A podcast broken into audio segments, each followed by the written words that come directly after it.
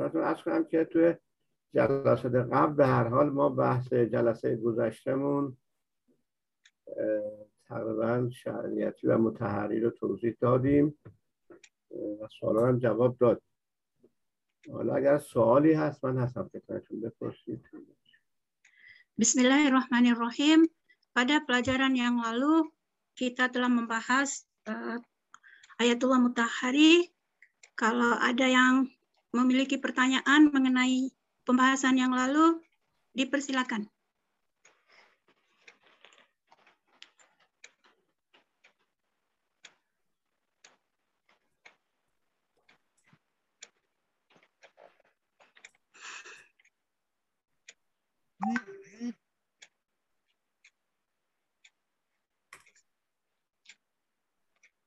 ظاهرا سوال نداریم سوال نداریم یک سوال دیگه من بپرسم.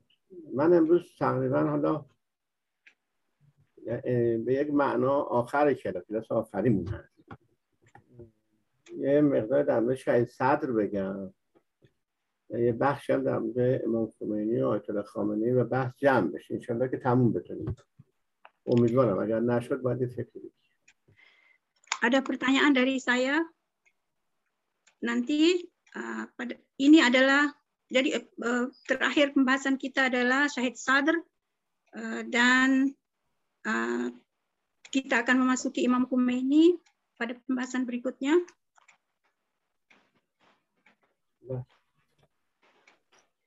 تو جلسه قبل من یه نکته اساسی رو یادآوری کردم که در بین متفکران مسلمان بین جامعه و تاریخ یه پیوند نزدیکی میبینند Pada pelajaran yang lalu saya telah memberikan nuktah atau poin yang penting yang perlu diingati bahwa uh, para pemikir Islam memiliki hubungan antara satu sama lain dalam konteks dunia Islam. Nah. این بحث نزدیکی رابطه بین جامعه تاریخ در اندیشه های سعید صدر هم دیده می شود. Hal ini juga dapat dilihat daripada pemikiran Syahid Sadr. شاید صدر یک کتابی داره در مورد همین بحث که دو گونه ترجمه شده یک یکی به عنوان سنت های اجتماعی در قرآن و یه ترجمه دیگه هم به عنوان انسان مسئول و تاریخ ساز dalam salah satu bukunya Said Sadr menjelaskan bahwa um, manusia sebagai uh, pemberi pengaruh besar berdasarkan ayat-ayat Quran yang ada dalam ayat Al-Quran. Hojago duwumin متوجه نشدم. کتاب اولی یعنی یک کتاب دو گونه ترجمه شده. یعنی به دو تا نام. یکی سنت های اجتماعی در قرآن دومی انسان مسئول و تاریخ ساز. انسان مسئول و تاریخ ساز. Ada dua kitab yang ditulis oleh Said, Said Sadr. Uh, yang pertama adalah berjudul uh, Sunat atau cara hidup yang ada dalam Al-Quran. Dan yang kedua adalah manusia uh, berkenaan dengan insan, manusia, dan uh, ke, ke, kepemimpinan dan pembentuk sejarah. Baik. Uh, خب حالا جالبه که شهید صدر من کتاب انسان مسئول و تاریخ سازش را به فارسی خوندم این کتاب رو دارم ازش نقل می‌کنم Saya telah membaca kitab Said Sadr ini yang berjudul Manusia dan Kepemimpinan dan Pencetus Sejarah ini. خب جالبه که شاید در این کتاب از ابن خلدون نام می‌بره. که جز متفکری نیست که معتقد به قانون داشتن تاریخ. جالبه. ابن خلدون اشاره می‌کنه. Dalam kitab ini Said Sadr uh, membawa pemikiran Ibnu Khaldun sebagai yang insan adalah pencetus kehidupan yang berundang-undang. من می‌خوام بگم که شهید صد بحثش رو با تاریخ شروع می‌کنه و به مسائل اجتماعی می‌رسه. اول مطلبی که میگه سه تا حقیقت در مورد قوانین تاریخی است. Said Sadr memulai pemikirannya dengan sejarah. اول حقیقت عمومیت قوانین تاریخی است. دومی اولی عمومیت قوانین تاریخی است. مستنداتش هم یعنی به آیات قرآن. جنبه خدایی داشتن قوانین تاریخی است و سومی تاکید روی اراده انسانه.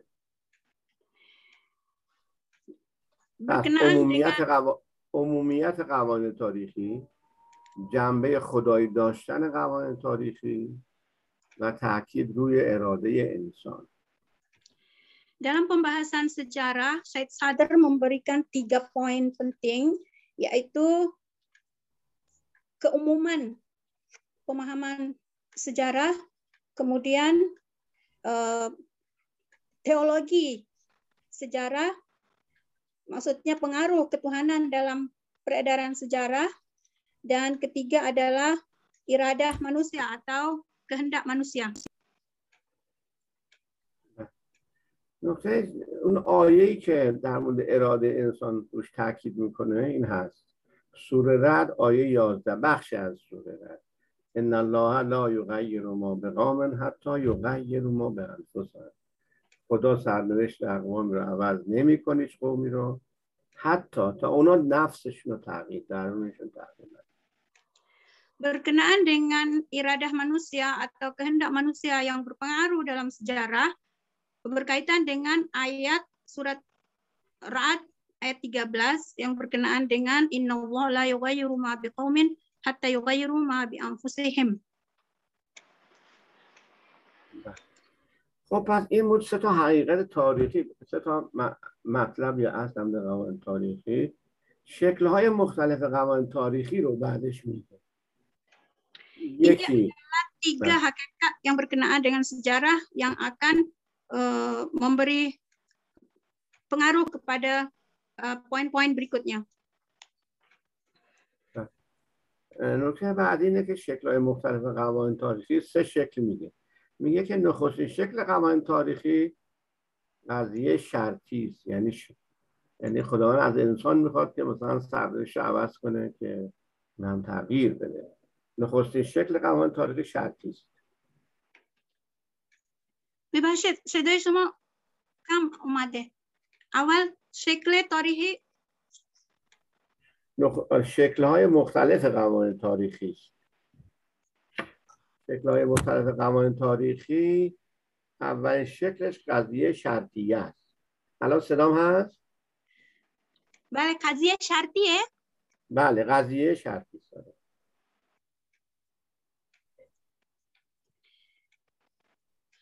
Bentuk-bentuk sejarah, bentuk-bentuk pembentuk hukum sejarah salah satunya adalah yang pertama adalah qadiyah syartiyah. بله ببینید این آیه که خوندم قبلا که ان الله لا یغیر ما بقوم حتی یغیر ما بانفسهم جالب که خداوند در این بخش از آیه اراده خودش را به اراده انسان پیوند زده و میفرماید خدا سرنوشت شما رو عوض نده میگه شما درونتون رو عوض کنید خیلی جالبه این یعنی خداوند شرط گذاشته که تو اول باید حرکت کنه انسان Jadi yang pertama berkenaan dengan pembentuk sejarah yaitu Qadiyah Syartiyah. Qadiyah Syartiyah ini yang bermaksud adalah uh, yaitu manusia yang bergerak. Syaratnya adalah manusia yang bergerak sehingga Allah yang menentukan. Uh, jadi yang uh, yang uh, menarik di sini adalah bahwa Allah menyesuaikan uh, takdirnya mengikuti iradah manusia. شکل دوم قوانین تاریخی قطعی هست قوانین قطعیه که این اتفاق Pembentuk kedua sejarah adalah perkara yang sudah pasti, yang disebut dengan qat'i. قوانین قطعی مثل فرض کنید که تولد انسان و مرگ و میرش تلکل ایام نداوله ها بین الناس رو حتما شنیدید دیگه تو آیه آل سوره آل عمران بله تلکل ایام نداوله ها یعنی چرخش قدرت دیگه نداوله ها یعنی چی؟ قدرت. نداوله ها یعنی اینکه تلکل ایام یعنی ایام بین ملت ها میچرخ یعنی ایام قدرت. بله دیگه. یعنی قدرت این چیزی که دائم دست یه فرد باشه. این هم یه قوانین تاریخ و آخرین قسمت قوانین هم گرایش های فطری انسان دیگه. یعنی به نظر این گرایش های فطری انسان. Kaidah yang kedua daripada sejarah adalah perkara yang kat'i tadi contohnya adalah bahwa eh, segala apa yang terjadi di dunia ini atau kekuasaan yang di, dimiliki oleh uh, perpusingan perputaran uh, pemerintahan yang terjadi di dunia ini juga sudah termaktub dalam ketetapan Allah Subhanahu wa taala yang berkaitan dengan ayat uh, watilkal ayyamu nudawiluha. Ini berkaitan dengan bahwa Allah telah me, uh, memutarkan kesempatan-kesempatan bagi manusia. Kemudian yang ketiga, kaidah yang ketiga bagi pembentukan sejarah adalah kecenderungan fitrah manusia. شاید صد بعد از اینکه از تاریخ صحبت میکنه وارد مباحث اجتماعی میشه و عناصر تشکیل دنده جامعه انسانی رو میشماره یعنی برمیشماره Syahid Sadr setelah membicarakan tentang masalah sejarah dan kaidah-kaidah pembentuknya, eh, beliau melanjutkan dengan pembicaraan atau penjelasan tentang masalah sosial. نکته مهم اینه که انسان بود اصلی عناصر تشکیل دنده اجتماعی که انسانه. یکی طبیعت یا زمینه. یکی هم پیوندهای و روابط متقابل بین انسان با طبیعت و سایر آدمیان. پس انسان طبیعت یا زمین و پیوند متقابل بین انسان با طبیعت و انسان با انسانهای دیگه.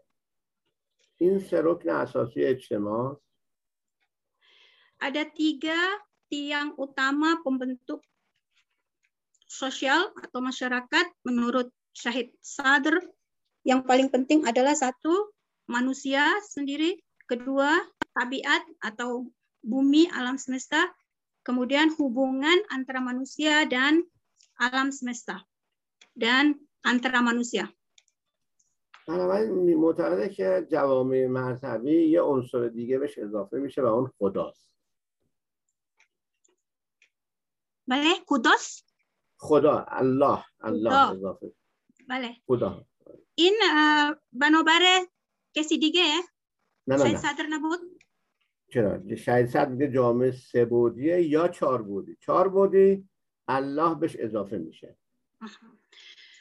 Uh, ditambah satu lagi berdasarkan pandangan Syed Sadr yaitu Allah pembentuk sejarah pembentuk pola kehidupan masyarakat yang keempat adalah khu- uh, Tuhan نکته مهم اینه که شهید صد در بحث اجتماع که حالا به شرایط زمانی ما برمیگرده نقش آرمانها را خیلی مهم میدونه Poin berikutnya menurut Syed Sadr berkenaan dengan pembentukan pola kehidupan bermasyarakat adalah adanya perundang-undangan. خب جامعه ها بر اساس آرمان ها جامعه ها را سه دسته تقسیم میکنه Berdasarkan perundang-undangan, kehidupan sosial itu dibagi kepada tiga bagian. یک سری جوامع هستن که آرمان ها و اعتقادش از شرایط موجود جامعه شونه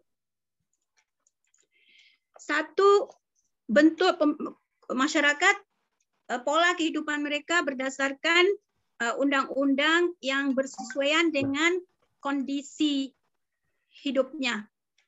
بله این جوامع که معمولا هم کشور جهان سوم هستن سه شکل باشون رفتار میشه یعنی مورد سه نوع حمله ممکنه قرار بگیرن seperti para dunia ketiga yaitu kelompok masyarakat dunia ketiga eh, kondisi kehidupan mereka merupakan menjadi sasaran eh, pelampiasan penjajahan اینا ممکنه که از بیرون بهشون حمله نظامی بشه و از بین برن یک Jadi mereka akan sirna karena ada serangan dari luar. یعنی شکل سوم دوم اینه که عقاید از بیرون وارد کشورهای میشه. مثل همه کشورهای جهان سوم که مثلا عقاید مارکسیسم ناسیونالیسم اگزیستانسیونیسم کشورهای اروپا عقاید اروپایی ها اومده تو کشور این هم مرحله دومه. bentuk یا حمله نظامی یا با آرمان وارداتی. pembentuk ketiga dunia masyarakat dunia ketiga yaitu adanya akidah pola akidah yang diimpor dari luar di diimpor dari luar memasuki uh, masyarakat dunia ketiga seperti uh, komunisme, marxisme dan lain-lain.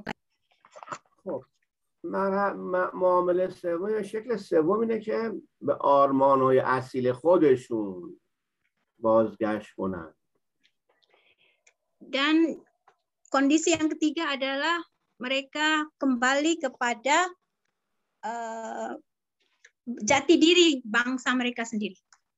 مثل کشور ایران و بقیه کشورهای اسلام seperti negara Iran dan sebagian daripada negara-negara Islam lain. خب اینا بازگشت به اسلام میکنن میخوان جامعه خودشون رو نجات این یک دسته از جامعه از جامعه اول جامعه آرمان هاشون در واقع یا حمله آرمان هاشون از جوامع خودشونه. ولی یا حمله نظامی بهشون شد یا آرمان وارداتی بود یا بازگشت به خیشتن بود. در این مرحله مثال از ایران و بقیه کشورهای اسلامی است که کشورهای غربی ایدولوژیشون آوردن ولی این کشورها نپذیرفتن. ولی در حال این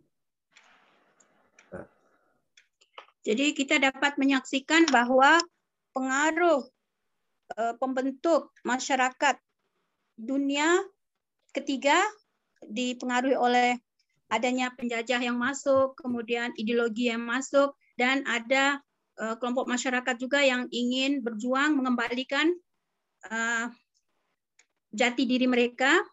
Seperti sekarang ini adalah Iran dan sebagian daripada negara-negara lain sedang memberikan reaksi.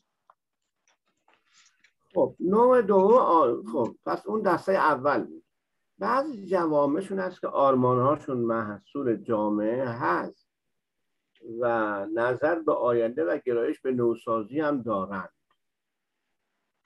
مثل کشورهای اروپایی آمریکا kelompok kedua daripada masyarakat dunia yang yang dipengaruhi oleh uh, mereka sendiri punya uh, hasil untuk membina diri mereka de, seperti kelompok masyarakat Eropa. شاید صد میگه که در این جوامع که به حساب گرایش به نوسازی هم دارند چند مرحله اتفاق میفته یعنی تو تحولات حکومتیشون چند مرحله اتفاق میفته اول اینکه این کشورها به قدرت می‌رسن و مرحله بعد آرمانهاشون رکود پیدا می‌کنه و در مرحله سوم پیدایش طبقه مرفه و در مرحله چهارم مجرمان در این کشورها به حکومت می‌رسن. مجرمان مثل آقای مثل بایدن مثل همشون شاید میگه که اینا چند مرحله هست که میگذن و اصلا خودش نمونه که مطرح کرده هیتلر را مطرح کرده در اون زمانی که نوشته این ایدئولوژی های کشور اروپایی که ادعای توسعه می‌کنن در نهایت می‌رسه به در واقع کشورهایی که حکومت مجرمان هست مانند هیتلر. Pada bentuk masyarakat yang kedua, yang mereka memiliki empat uh, perjalanan uh, kekuatan, permulaan mereka uh, mencapai kekuatan, kemudian mereka memiliki undang-undang yang menguasai masyarakat mereka, kemudian mereka mencapai posisi yang sejahtera, kaya, kemudian mereka melakukan serangan serangan atau atau mengadakan ekspansi ke negara-negara lain. Seperti Hitler dan sekarang ini juga Amerika di bawah kekuasaan Biden. Nah, پس گفتیم که شهید صد جامعه را بر اساس نوع آرمان هاش کرد دو نوع آرمان رو گفت که آرمان های محدود آرمان های کشور اروپایی که بهسازی و نوسازیه و آرمان نوع سوم آرمان های پاک و بلند الهی یه جامعه ممکن تشکیل داره که آرمان هاشون از نوع آرمان های الهی باشه Dari segi perundang-undangan, Said Sadr mengemukakan ada tiga macam perundang-undangan yang diperlakukan ke atas masyarakat, yaitu perundang-undangan yang sesuai dengan kondisi masyarakat itu, kemudian uh, undang-undang yang dibuat atau didatangkan dari luar, dan yang ketiga adalah undang-undang yang berdasarkan undang-undang uh, Tuhan. خب در این نوع آرمان الهی آرمان پاک الهی خب شروطی را برمیشماره که خب به کتاب رجوع کنه ولی مهمترین شرطش ضرورت امامته Syed Sadr mengemukakan dalam uh, undang-undang uh, ilahi atau undang-undang suci Tuhan uh, memberikan satu yang utama adalah tentang kepemimpinan. خب من بحث شهید صدر رو تا اینجا تموم میکنم انشالله که اگر سوال دارید بفرمایید گرنه بریم به موضوع دیگه بفرمایید چون البته من خلاصه گفتم به خاطر که ببخشید اتفاق بعدی افتاد اون تغییر ساعت باید من اشتباه میکنم Saya telah mengemukakan berkenaan dengan pemikiran Said Sadr dengan cukup ringkas karena ada permasalahan waktu tadi sebab di Iran ada perubahan waktu terjadi di mana Iran sudah ditambah waktunya sehingga uh, Ustadz merasa belum memasuki uh, jam yang sesuai dengan sebagaimana biasa beliau masuk uh, ketika pelajaran kita dimulai. Kemudian uh, saya ringkas pembahasan tentang Said Sadr, kita akan memasuki uh, pembahasan pemikiran pemikir yang lain. Jika ada pertanyaan berkenaan dengan pemikiran Said Sadr, dipersilakan. Ah. سوالی که ظاهرا نیست چون یک وقتم داره تموم میشه Sepertinya pertanyaan tidak ada karena waktu semakin berjalan saya akan melanjutkan pelajaran.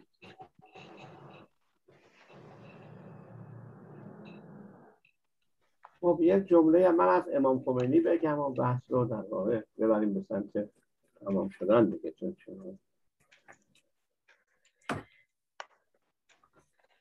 Kita akan memasuki pembahasan tentang pemikiran Imam Khomeini. Ada satu kalimat yang diucapkan oleh Imam Khomeini.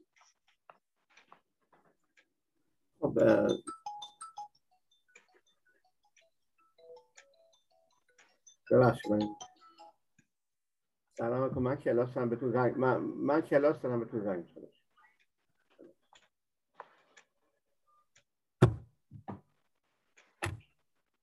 ببخشید. Saya minta maaf. خب نکنم که شما بالاخره اطلاعات عمومی در به امام خمینی دارید و یه بحث چون ما در این کلاس بحثمون نظریه دولت و تمدن بود. ببینیم که امام خمینی در تحولات روی چه برای اصلاح اجتماعی چه مسیری رو یا چه ایده ای داره؟ یکی دو نکته من بگم. امام خمینی حتما معتقدید که و حتما شاید اول این نکته رو بگم از نظر خمینی که ما در این کلاس بحث کردیم که دو تا نظریه انسانشناسی مشترک بین همه متفکرها یکی نظریه برابری همانندی انسان ها و یکی هم ناهمانندی انسان ها خواهم ببینیم امام خمینی کدوم این نظریه رو قبول داره؟ این اولین نکته. Mungkin uh, kalian sudah mendengar tentang Imam Khomeini dan pemikirannya berkenaan dengan pembahasan kita mengenai uh, teori pemerintahan dan peradaban. Uh, maka apa yang dimiliki oleh Imam Khomeini dalam masalah ini dan bagaimana uh, pemberbaikan islah kondisi masyarakat berdasarkan pemikir pemikiran Imam Khomeini Imam Khomeini dan kita dulu pernah menyatakan bahwa uh, manusia pandangan terhadap manusia dibagi dua, yaitu pandangan terhadap adanya kesamaan manusia, umat manusia sama adanya, dan satu teori lagi menyatakan ketidak ada samaan manusia. پس معلوم شد که در واقع سوال خب پس این بود که ما کدوم نظر امام خمینی نظریه همانندی انسانها را قبول داره Imam Khomeini menerima pandangan terhadap manusia itu memiliki kesamaan. Derajat. نگاه کنید در جلد 16 صحیفه امام صفحه 83 مطلبی به این شکل آمده که بشر همه جا یک جنسه و یک نوعه و یکیست بشر همه جا یه نوعه. یعنی خداوند دو نوع بشر خلق نکرده یه نوع بشر بشر همه جا یک جنس یک نوع و یک Imam Khomeini dalam kitab Sahifah Nurnya dalam dalam halaman dalam jilid yang ke-16 halaman yang ke-72 menyatakan bahwa manusia itu adalah satu jenis kemanusiaan. خب حالا سوال اینه که اگر امام خمینی به نظر همانندی انسان ها معتقده دلایل عقب ماندگی و پیشرفت رو در کجا جستجو میکنه Baik, satu pertanyaan timbul daripada pandangan Imam Humaini yang cenderung kepada bahwa manusia itu memiliki kesamaan. Maka nah. apa dalil yang kita melihat uh, terjadi uh, perbedaan, ada yang maju, ada yang mundur dalam ilmu, dalam ini yang kita lihat ada perbedaan di dalam kenyataan kehidupan ini. Apa dalil-dalilnya? Apa sebab-sebabnya? خب سوال پس این بود که امام خمینی عامل تحولات در کجا جستجو میکنه شما دیدید که برخی در اقتصاد برخی در مثلا فرهنگ خب امام خمینی اینا نادیده نمیگیره ولی اولویت اولش نظام سیاسی است و دولت ها Imam Khomeini menyadari melihat perbedaan yang terjadi dalam kehidupan manusia ini dari segi uh, ekonomi, budaya, dan lain-lain. Namun Imam Khomeini memfokuskan pembeda kehidupan manusia ini adalah dari pemerintah akibat daripada pemerintah uh, kinerja atau cara kerja kepemerintahan yang menyebabkan adanya perbedaan dalam kehidupan masyarakat. امام خمینی میفرماد که مشکل ما الان دولت های ماست مشکل اسلام دولت های اسلامی است در صحیفه نه ملت خوب دقت کنید امام خمینی در صحیفه جلد 14 صفحه 135 نوشته که مشکل اسلام دولت های اسلامی است نه ملت ها Imam Khomeini dalam bukunya tersebut juga menyatakan bahwa muskil atau problem yang terjadi dalam masyarakat dalam kehidupan masyarakat ini adalah berpunca daripada pemerintah, bukan masyarakat, bukan rakyat. این مطلب را امام در جای دیگه میگه مثلا جلد 6 صفحه 46 میفرما تا دولت صالح نباشد مملکت صلاحیت پیدا نمیکنه Imam ini juga mengulangi pembahasan tentang pentingnya pemerintah menyatakan bahwa dalam jilid yang ke-6 halaman yang ke-42 Ustaz Bashir Imam Khomeini فرمودن امام خمینی فرمودن که تا دولت صالح نباشد مملکت صلاحیت پیدا نمی Imam Khomeini menyatakan bahwa apabila pemimpin bukan dari kalangan orang-orang yang soleh atau tidak mencapai taraf kesolehan, maka sulit untuk memimpin dengan baik di dalam masyarakat.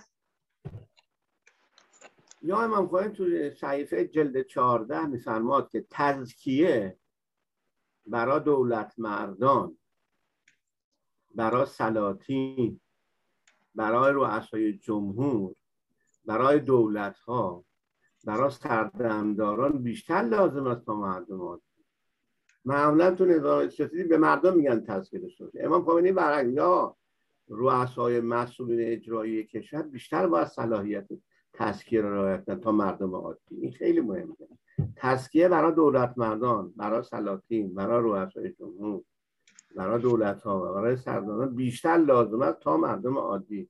صحیفه امام جلد 14 صفحه 392 Imam Khomeini juga telah menyatakan bahwa tazkiyatun nafs atau pembersihan diri itu yang lebih penting dilakukan oleh para pemimpin daripada masyarakat umum. Jadi Imam Khomeini memandang pentingnya pembersihan diri, kesolehan bagi para pemimpin. Hal ini disebutkan dalam kitab Sahifan Nurnya dalam jilid ke-14 halaman 392. بنابراین این خیلی مستندات زیادی من دارم که نشون میده که امام خمینی برای اصلاح جامعه اصلاح را از بالا می‌دونه یعنی از نظام سیاسی.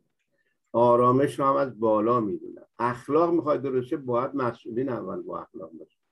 مثلا جلد 17 صفحه 375 تا 76 میگه که کسایی که تو کاخ میه ما کوشش کنیم که اخلاق کاخنشینی مردم نداشته باشن.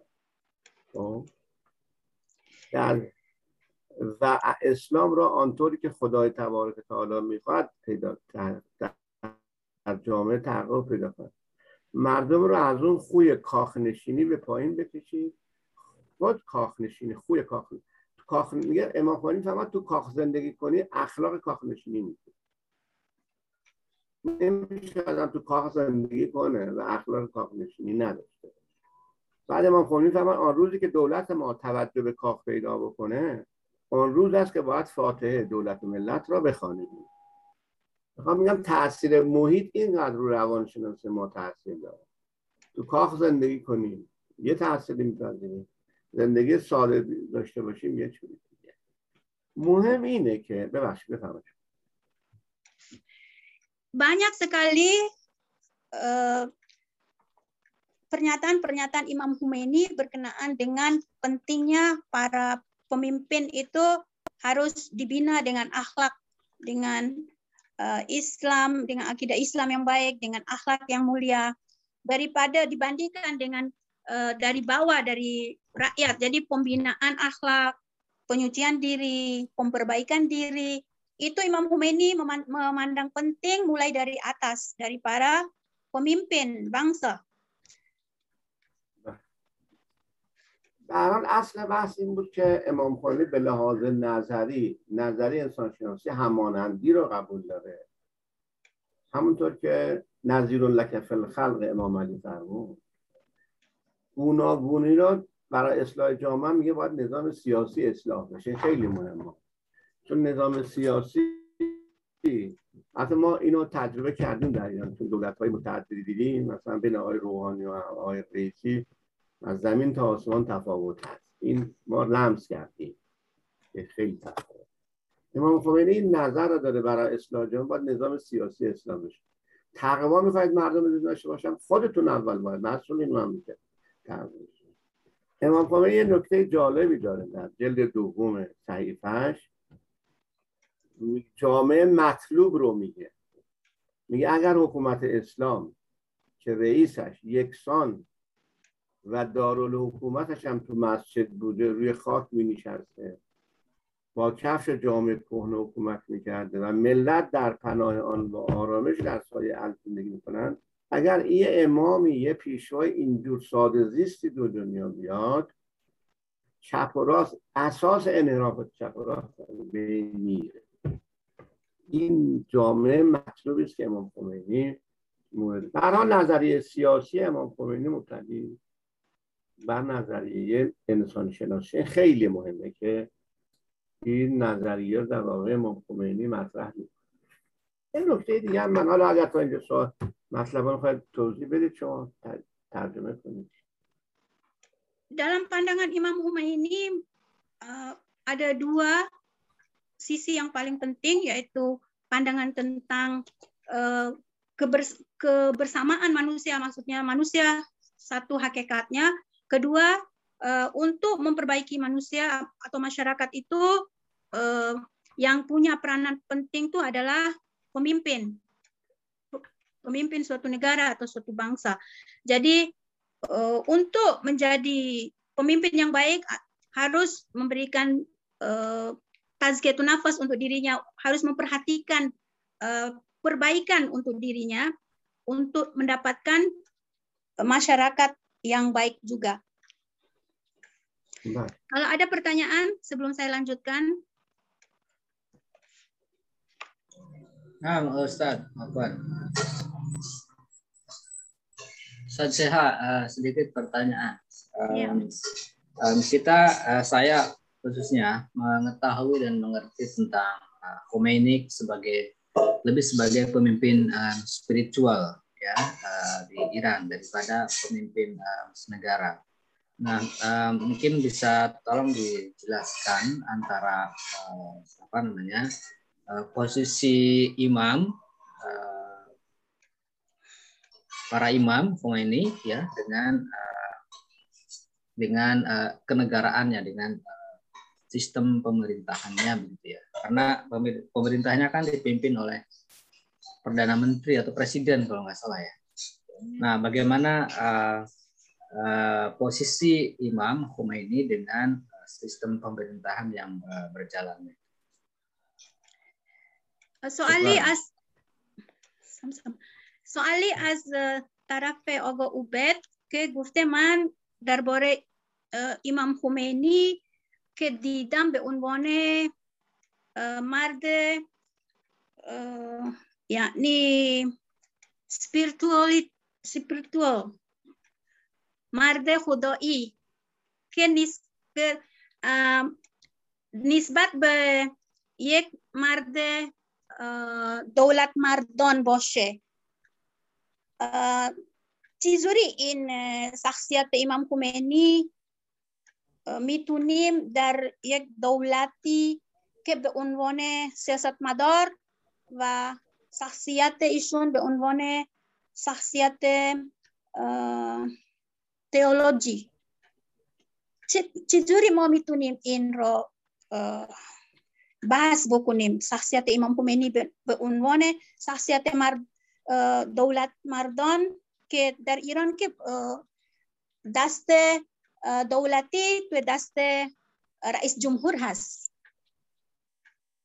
ولی چجوری این رو ما نقص امام خمینی در جمهوری اسلامی ایران به عنوان مرد سیاسی باشد. خب فکر می‌کنم که می‌دونید که نظام سیاسی ایران دو تا عنصر داره که با هم ترکیب شد یکی دولت یکی رهبری. البته ما تون تاریخی که خوندیم همه رهبران جهان هم ویژگاه امام خمینی نداشته باشن کمی برامون شاید سخت باشه بپذیریم که امام خمینی در واقع دست برورده اسلام. این به ما نشون میده که اگر ما آموزش خوبی ببینیم می‌تونیم فراتر از زمان و مکان در واقع ویژگاه خودمون رو نشون بدیم. من اتفاقا یه زمان خودم فکر می‌کردم که انقلاب اسلامی ایران در واقع یه انسان نو به جهان معرفی کرد چرا؟ چون انسانی که دنیای مدرن روش تاکید داشت انسانی بود که از دست میمون بود. آی داروین اینو میگه. ولی انسان شرقی انسان مسلمان از دست آدم و نه از دست میمون بنابراین انسان اروپایی ایمان را در قلبش ذبح کرده کشته. انسان قبل اروپایی فقط به متا فکر می‌کرد ولی انسانی که امام خمینی معرفی کرده انسانیش که در سر عقل و در قلب عشق داره. خوب دقت کنید. انسانی که امام خمینی معرفی کرده یه انسانی پسا مدرن فراتر از مدرن بوده الهیه. یعنی هم می‌تونه دانش داشته باشه هم می‌تونه خدا رو دوست داشته باشه. تو اروپایی هم کسی که خدا رو دوست داره یه یه کمی دانش داره دیگه خدا نیست. امام خمینی این امام خمینی درست شاید مثل حضرت موسی که فرعون رو در واقع دستیسه آشکار کرد امام خمینی. در واقع بنیان نظری اروپا رو زیر سوال بود گفت این حرف غلطه. و نشون داد که یه انسان اگر خدایی باشه می‌تواند تغییرات زیادی بده. ما جلسات قبل هم نگاه کردیم به شما. یعنی بحث کردیم که بحث انسان جامعه که بود گفتیم هم جامعه تاثیر داره هم فرد. ولی شریعتی می‌گفت فرد مهمه که فردت کی باشه. ما اگر فرد امام خمینی بگیریم چقدر تغییرات راه انداخت. دنیا رو عوض کرده امام خمینی. گرچه خیلی ها نمی‌فهمن ولی آمریکا دیگه اون آمریکای قدیم نیست که ازش کسی بترسه ما جلوش ایستادیم. ما یعنی ما مسلمان ها ما ایرانی ها جلوش ایستادیم. بنابراین امام خمینی بعد چیزی که هست خب رهبر انقلاب بگیرید تو نظام سیاسی ها نقش رهبری رو داره. یه دولت مرد نیست البته به عنوان رهبرم ساده زیسته. نه اینکه اشرافی زندگی کنه.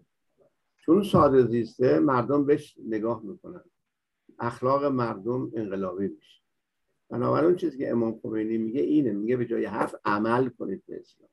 حرف بسه کفایت میده عمل در واقع باید اسلام بنابراین ما توی نظام سیاسی ممکنه خب حالا دولت های مختلفی هستن چون دولت ها رو مردم بهش رای میدن.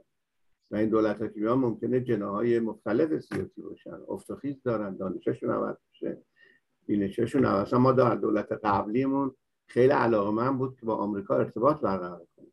ولی موفق نشد. ولی آقای رئیسی اینجوری نیست. خیلی فرق سخران آقای رئیسی تو سازمان ملل گوش کنید ببینید چه جور حرف زده. بنابراین می‌خوام بگم که ما آمریکا رو ما ما مسلمان ها با کمک اسلام ما ایرانی ها تحقیرش کنیم آوردیمش پایین. دیگه اون قدرت برتر نیست نمی‌تونه هرچی گفت در واقع ما انجام بدیم. چون من به لحاظ سنی رژیم قبلی رو هم در واقع درک کردم در رژیم جمهوری اسلامی هم خدمتگزار و معلم بودم. به راحتی می‌تونم تفاوت رو حس کنم. بنابراین امام خمینی یک در واقع پیامآور جدیده و دنیای قبل را با حرفاش اصلا ببخشید اروپا را قبل را محل از اعراب براش قائل نبود. بنابراین سطح کارشون در واقع بود پایین و با بحران روبرو شدن. Baik, dalam pandangan Imam Khomeini ada dua unsur berkenaan dengan kepemimpinan yang ada khususnya di Iran. Uh, Imam Khomeini sendiri sebagai pemimpin agama yang disebut dengan rahbar Dan ada satu kepemimpinan uh, untuk sistem kenegaraan yang disebut dengan kepemimpinan kepresidenan. Namun Imam Khomeini sebagai tokoh utama pencetus revolusi Islam yang terjadi di Iran telah me, telah mampu mengubah mengubah uh, nilai kemanusiaan yang selama ini didefinisikan oleh Barat di mana uh, mengikuti teori Darwin yang bermula daripada gerak sedangkan umat Islam memahaminya bermula daripada uh, Nabi Adam dan Hawa dan memiliki penghormatan kehormatan yang tinggi Imam Khomeini membawa misi ini mengubah meng, me, mengubah cara pemikiran yang telah dipengaruhi oleh pola pemikiran Eropa Barat ini semua yang menjatuhkan nilai kemanusiaan. Maka uh, dengan hadirnya Imam Khomeini walaupun tidak banyak masih masih sedikit uh, orang yang mengetahui hakikat uh, apa yang telah diubah oleh Imam Khomeini jadi kita dapat melihat bagaimana tingginya apa yang dibentangkan oleh Imam Khomeini mengenai kemanusiaan? Dan kita dapat mengetahui bahwa uh, pengaruh juga pernah terjadi di dalam Iran pada kepemimpinan uh, sebelum uh, Raisi, bagaimana mereka ini cenderung kepada pemikiran Barat dan hampir membawa problem-problem yang banyak dalam uh, kerajaan Iran, dalam negara Iran, dalam masyarakat Iran. Namun setelah Raisi datang, dengan satu uh, garis dengan perjalanan Imam Khomeini dan beliau kembali mampu membawa Iran dengan misi-misi yang Imam Khomeini ingin sampaikan. Jadi Imam Khomeini telah mengubah alur cerita tentang kemanusiaan di persada bumi ini.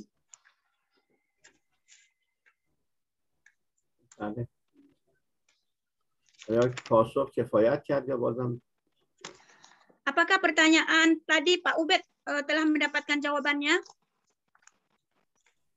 Um, ya, ya. Syukran. Masykur Ustaz. جواب داده شده جواب داده شده خدمتتون ارز کنم که چند سا... چقدر دیگه من وقت دارم فکر میکنم ده دقیقه دیگه ده دقیقه دیگه. خب خیلی بحث ها موند دیگه. حالا یه جمله من آیت الله خامنه هم یکی دو جمله بگم و شما رو به خدا بسپارم. دیگه به هر حال ببخشید امروز این اتفاق اصلا حواسم هم نبود. ببخشید معذرت خواهش ببینید خب رهبری هم حتما شما با دانشش و بینشش آشنا هستید. یه بیانیه ای داره به نام گام دوم انقلاب. من یکی دو تا نکته از این رو فقط برای شما بگم که این هم نیست. و اون یک, یک اولین نکته که می‌خوام از این نظریه بگم اینه که رابطه بین شارای انقلاب و نظریه انقلاب. و نظریه فطرت در واقع انسان. نظریه فطرت یا دائمی بودن شارای انقلاب. توی نظریه گام دوم امام معتقده که شارای انقلاب شارای دائمی شارای انقلاب اسلامی. مثل عدالت و اخلاق و معنویت و عزت و برادری. چرا؟ چون اینا ریشه های با نظر فطرت انسان هماهنگ. خیلی جالبه که برای این که نظری رو مطرح بکنه در واقع به نظر انسان شناسیش استناد میده. خیلی جالب. یعنی می‌تونه مثل یه جامعه شناس بزرگ دلایل واهی نمیاد میگه این فطرت انسان فطرت خداجوی انسان عدالت را میپذیرن چون عدالت همه انسان دنبال عدالت اخلاق را همه میپذیرن یه چیزی این تیپی این نکته اول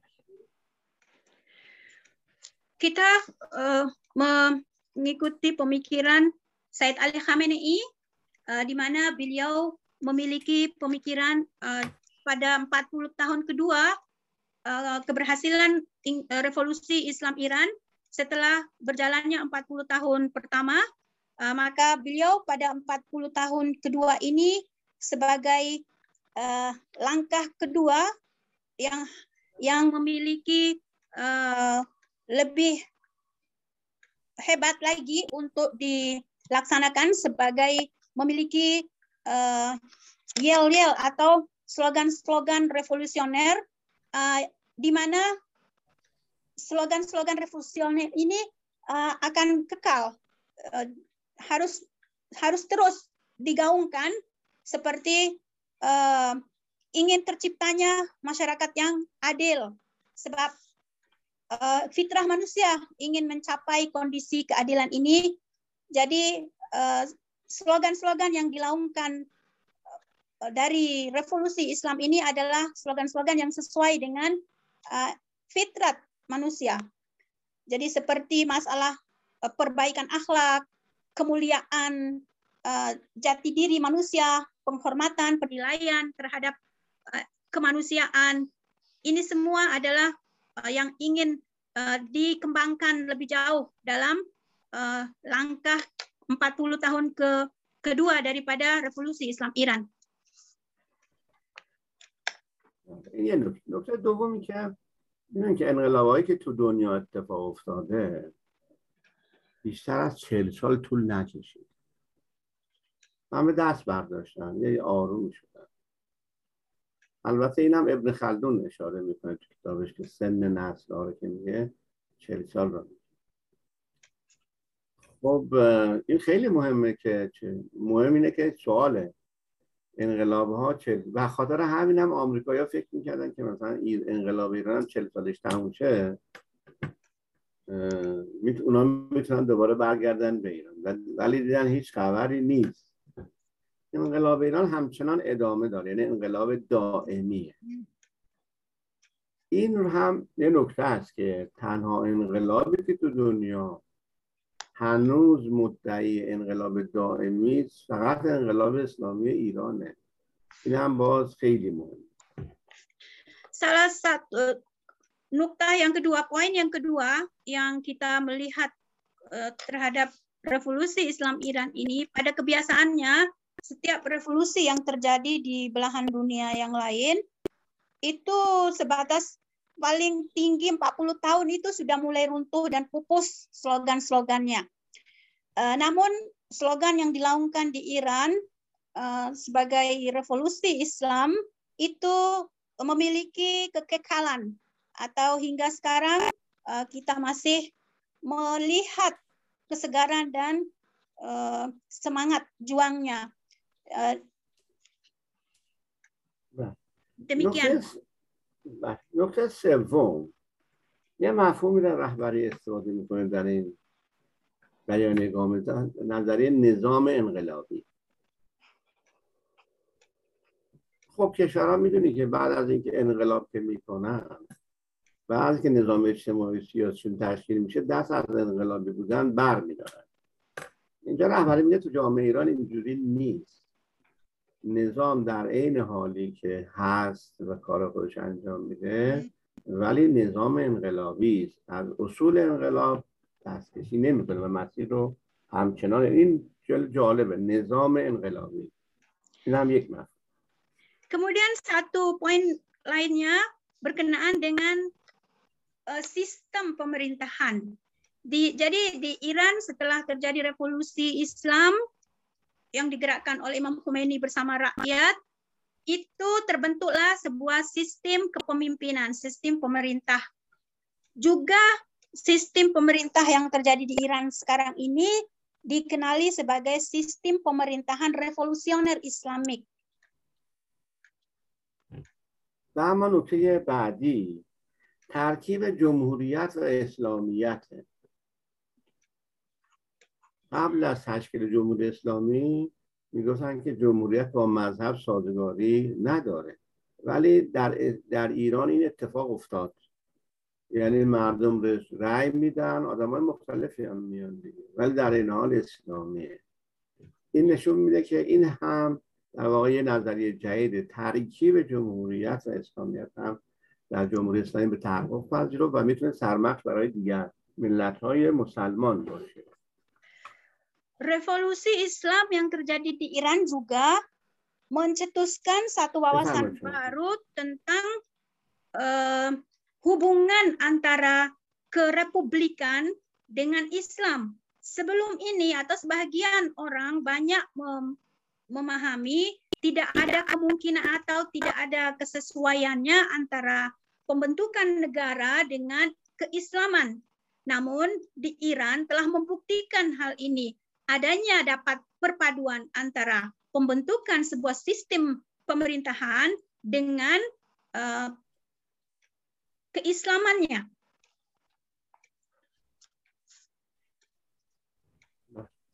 و اما آخرین نکته که من میخوام روش تاکید کنم گرچه مطالب زیاد ولی واقعا با این وقت نمیشه اونم مدیریت جهادی است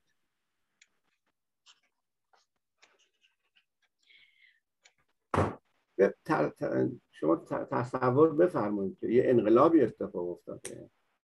الان چند مدت کوتاه ازش نگذشته همه دنیا البته صدام این کارو کرد ولی هم اروپا هم آمریکا پشتیبانش بودن. هشت سال دفاع مقدس. خب اگر این مدیریت جهادی نبود نمی‌تونست این انقلاب بمونه این مدیریت جهادی یعنی ما با جهاد و مدیریت جهادی می‌تونیم عقب ماندگی رو چکار کنیم؟ جبران کنیم. این هم یه مفهوم جدیدیه که توی مفاهیم مدیریتی مطرح شده در حالی که قبل از اون نبود. و بنابراین نشون میده که ما با این مدیریت می‌تونیم جهان سوم را به جهان اول تبدیل کنیم. و بنابراین این قدرت بین مردم مسلمان وجود دار شما فرض کنید همین تحریم برای ما هر کشوری. خود اروپا فکر ما بعد از یکی دو ما دستمون رو بلند می‌کنیم. ولی شکم این اتفاق نیفتاد و اتفاقا بهتر هم شد برای ما. ما خیلی چیزای دیگه تولید کردیم. خیلی مهمه. در یک کشوری مثل کشوری که محاصرت جنگ داشته تحریم شده ولی همچنان تو صحنه عمل سیاسی در واقع. این مفاهیم مدیریت جدیدی از گرفته شده از مکتب اسلامه. از دینمونه بنابراین نشون داد که ما دینمون رو میتونیم یعنی با اعتقاد دینی میتونیم در اصل مدرن بهتر از اروپایی ها جامعهمون رو سر و سامون بدیم من Pada poin yang terakhir, sesuatu perkara yang baru yang dicetuskan oleh revolusi Islam Iran, yaitu mengenai tentang perjuangan untuk mengubah diri daripada kondisi yang mundur sehingga membawa kepada kemajuan. Bahkan boleh mengubah dunia ketiga menjadi dunia pertama. Dan Iran telah membuktikannya uh, semangat jihad ini diambil daripada ajaran Islam yang selama ini uh, orang uh, memandang tidak memandang dengan baik adanya pola pengajaran jihad yang baik yang disusun rapi uh, Iran telah mampu berdepan dengan berbagai problem yang dihadapkan kepadanya uh, seperti adanya peperangan yang disengaja yang selama 8 tahun antara Irak dengan ya, menyerang Iran daripada dibuat oleh negara-negara Barat membantu Saddam untuk menyerang Iran, namun dengan semangat jihad membela uh, tanah air mereka yang di yang diambil ilham daripada uh, perintah Islam untuk menjaga keutuhan uh, negara dan tanah air bangsa sehingga mereka mampu untuk mengubah diri mereka خب walaupun درس ما یه تمومش کردیم یعنی تموم نشد ولی دیگه چاره جزی نبود که امروز درس تموم کنیم. من خوشحالم که خدمت شما بودم با شما آشنا شدم. از نزدیک ندیدم شما رو. تئوری که ما در کلاس استفاده کردیم تئوری دولت و تمدن بود. این تئوری بر اساس این تحولات افکار شما مثلا به دو مرحله تقسیم کردیم. مرحله که متقدمین بودن پیشقدمان و متأخرین که بعدا اومدن. و ما دو تا تصویر گوناگون از تمدن اسلامی نشون دادیم. یه موقعی که در اوج قدرت و شکوفایی علمی بود و در زمان دیگه ای که گوناگون بود. امیدوارم که این تئوری رو شما با خودتون در ذهن داشته باشید و انشالله اگر که شرایط امتحانم بشه بتونید امتحان زودتر بدید و نمراتتون رو در واقع دریافت کنید. انشاءالله. اگر سوالی هست من هستم خدمت شما kalau ada so خودتون میدونید منم میتونم شما رو به خدا بسپارم و دیگه کلاس هم دیگه هفته دیگه هم کلاس نداریم تموم So, pada Ada, akhirnya Ustaz. kelas kita telah berakhir. Saya menyerahkan uh, kalian kepada Allah Subhanahu wa taala. Kalau ada pertanyaan dipersilakan. Tulis tadi ada. Iya, Ustaz. Uh, Assalamualaikum, Ustaz. Assalamualaikum. Ya, mudah-mudahan Ustaz bisa menjelaskan secara singkat. Uh, tadi Ustadz menyinggung tentang adanya kesesuaian antara apa sistem demokrasi yang diwakili oleh republik dengan uh, keislaman. Nah, maksud saya di sini mungkin Ustadz bisa menjelaskan latar belakang uh, adanya sistem wilayatul fakih di Iran dengan kepemimpinan spiritual yang ditaruh sebagai kepemimpinan tertinggi dan selebihnya adalah kepemimpinan eksekutif. Mohon penjelasan, Ustaz.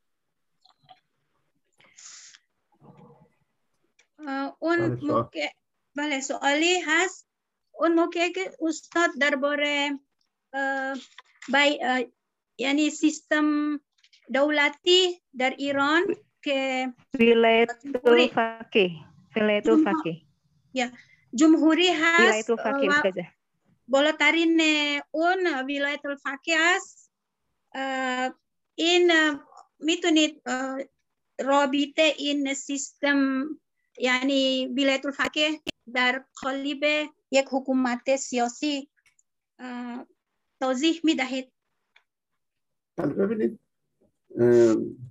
خب ما هم دولت داریم هم رهبری رهبری طبق همه برمیگرده به یک قانون اساسی. قانون اساسی چارچوب وظایف مشخص کرد. رهبری محدوده کارش معلومه دیگه. درست که الان نیروی نظامی زیل رهبریه ولی دولت کارهای دیگه انجام به هر حال چارچوبه وظایف رو قانون اساسی مشخص می‌کنه. قانون اساسی جمهوری اسلامی ایران. بنابراین در بعض از مواقع رهبری تو کارهای دولت دخالت نمی‌کنه در اینکه می‌دونه تذکر هم میده. ولی خب به قانونی عمل نمیکنه یعنی خلاف قانون عمل نمیکنه ما میگم چارچوب وظایف قانون مشخص Pertanyaan ini dapat dijawab dengan meneliti eh, undang-undang uh, dasar yang ada di Iran, di mana uh, segalanya kedudukan-kedudukan kepemimpinan yang ada di Iran telah dicantumkan di dalam undang-undang uh, dasar ini yang masing-masing telah memiliki tugas masing-masing yang tidak saling uh, uh, tidak saling berbenturan Bagaimana Bulis? Boleh ditangkap? Ya, ya saya bisa menangkap. Cuma ingin penjelasan sedikit lebih detail. Apakah ada perbedaannya dengan apakah perbedaannya dengan sistem yang dianut sistem demokrasi yang dianut di negara lain di mana ada trias politika kan di situ ada kepemimpinan yudikatif, eksekutif dan legislatif seperti itu. Apakah perbedaannya dengan sistem wilayah fakih di Iran yang memang juga secara struktur kan agak mirip ya. Tetapi memang seperti kita tahu memang backgroundnya kan memang keislaman di Iran yang menganut paham Syiah eh, Isna Asariyah itu kan ada semacam apa ya kepemimpinan imamiyah yang kemudian di estafeta kepemimpinannya itu dilakukan oleh para ulama yang ini dalam hal ini adalah wilayatul faqih. Nah, pertanyaan saya itu tadi Bu Seha, perbedaannya dengan trias politika yang yang dianut oleh negara-negara lain.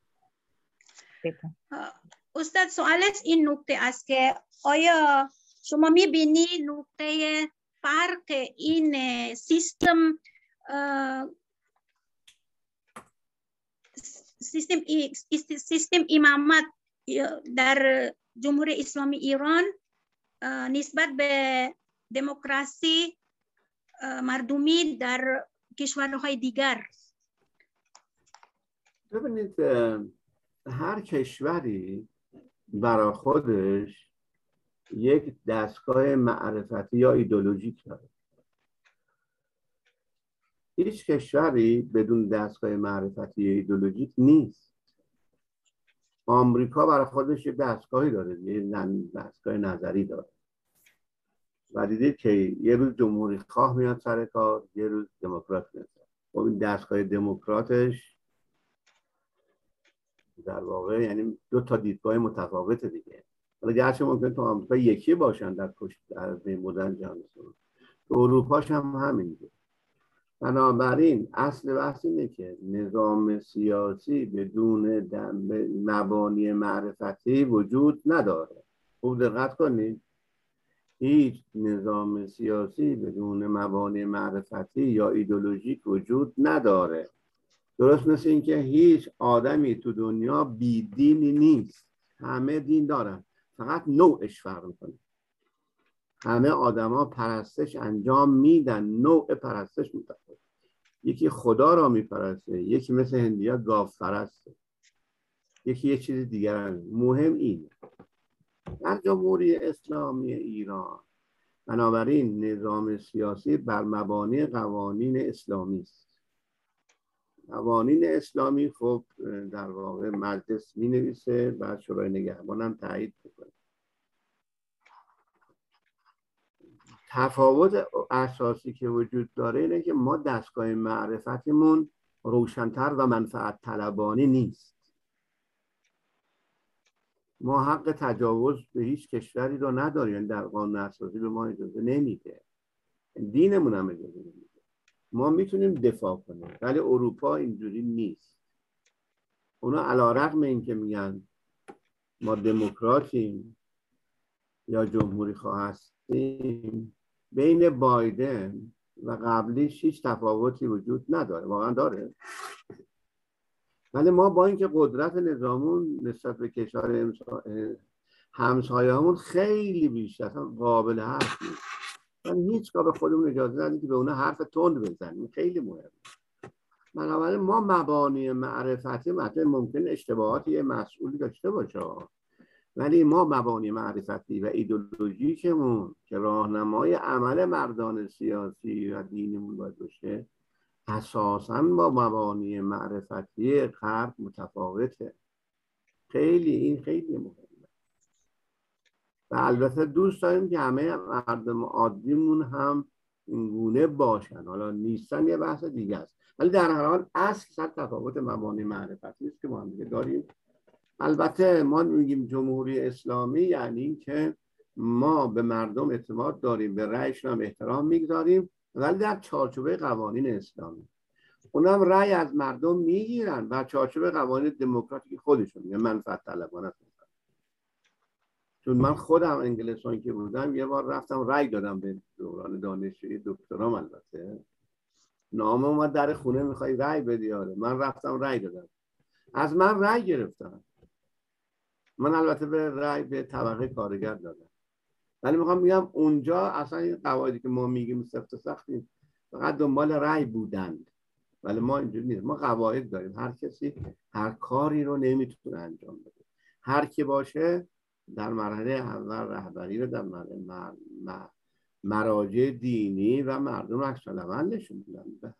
سخن بد بگه رفتار بد داشته باشه. خیلی تفاوت ها داریم. ولی خب توی جلسه ممکنه ولی اصل اینه که دستگاه معرفتیمون با دستگاه معرفتی اونا متفاوت Pertanyaan Mbak Asri, Ibu Liz dapat dijawab dengan ringkas seperti ini bahwa setiap negara itu memiliki asas pembentukan negaranya yang dipengaruhi oleh ideologik, ideologik dan kepahaman tentang uh, itikadnya. Nah, demikian di Iran adalah ideologi yang berlaku adalah ideologi Islam.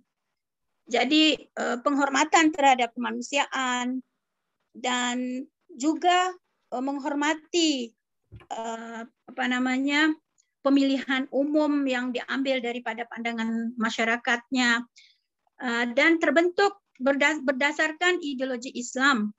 Namun di tempat-tempat lain memang mereka uh, mengikuti satu ideologi uh, demokrasi. Namun uh, uh, juga tidak se, apa istilahnya tidak dijalankan dengan baik bahkan terjadi di dunia barat uh, kepentingan berdasarkan kepentingan sebuah uh, pemerintah terjadinya uh, penerapan sebuah kepemimpinan berbeda dengan yang terjadi di Iran. Semuanya diusahakan untuk berasaskan dengan pengajaran Islam.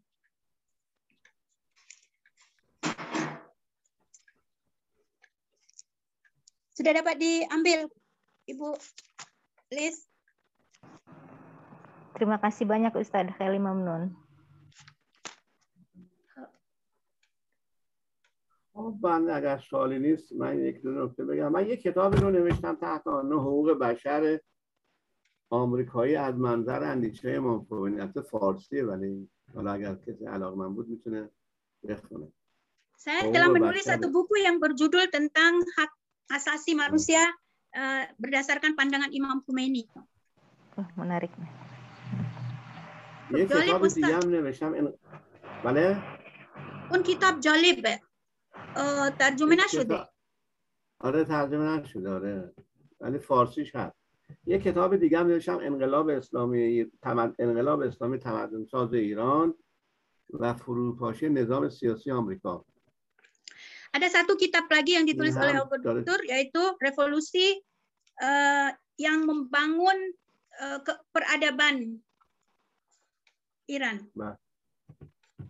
یک کتاب هم دیگه نوشتن در مورد دو اسلام در منظر امام خمینی اسلام آمریکایی و اسلام نام محمدی Satu kitab lain lagi yang berjudul dua macam Islam, Islam Amerika dan Islam Islam Khomeini, Bud?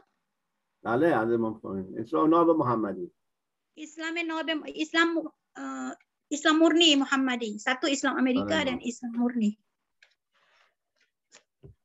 خب من خیلی خوشحالم که این تم در خدمت شما دوستان بودم باتون آشنا شدم. ولی خب متاسفانه از نزدیک نبود نتونستم بیام شما رو ببینم. ما رو هم دعا کنید در نمازاتون ما رو دعا کنید. آقا وقت خیر بشیم من سوالی داشتید می‌تونم تلفن هم بهتون بدم کاری داشتید من خدمتتون هست Saya bersyukur dapat berjumpa kalian semua, namun uh, di akhir pelajaran ini saya uh, tidak dapat berjumpa uh, muka dengan kalian semua. Saya bersyukur pada Allah dan insya Allah kita akan berada dalam perlindungan Allah Subhanahu Wa Taala. Kalau ada pertanyaan boleh Amin. di. Ini tra Amin. Terakhir, Bu Uh, in jalse akhir tulis saya Ustaz. Bale, jalse akhir. Ya, ini adalah majelis yang terakhir bagi kita. Ustaz Bibashid, Waduh.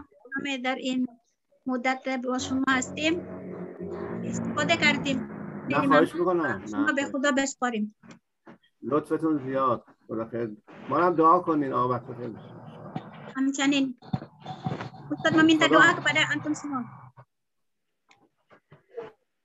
خدا حافظ Terima kasih Ustaz. Foto, foto dulu Bu Zeha. این اونها میخواست که فوتو با شما هستن Mahbub agay Sahrul. Aba-aba begit. Baliman, bos nih ko kami. Siapa yang ngefoto? Yang pakai laptop. Ma Pak Upet. Pak Arif. Masya Allah, Masya Allah. Cuy, kalau sana farasi. Pak Upet oh, pakai laptop Pak Upet. Nafarin. Şiş nafarin. Oh. خب انشالله که موفق باشید. نمی‌دونم از طریق واتساپ کار داشتی می‌تونی با من تماس بگیرید بله. تلفن هم آقای satu dua tiga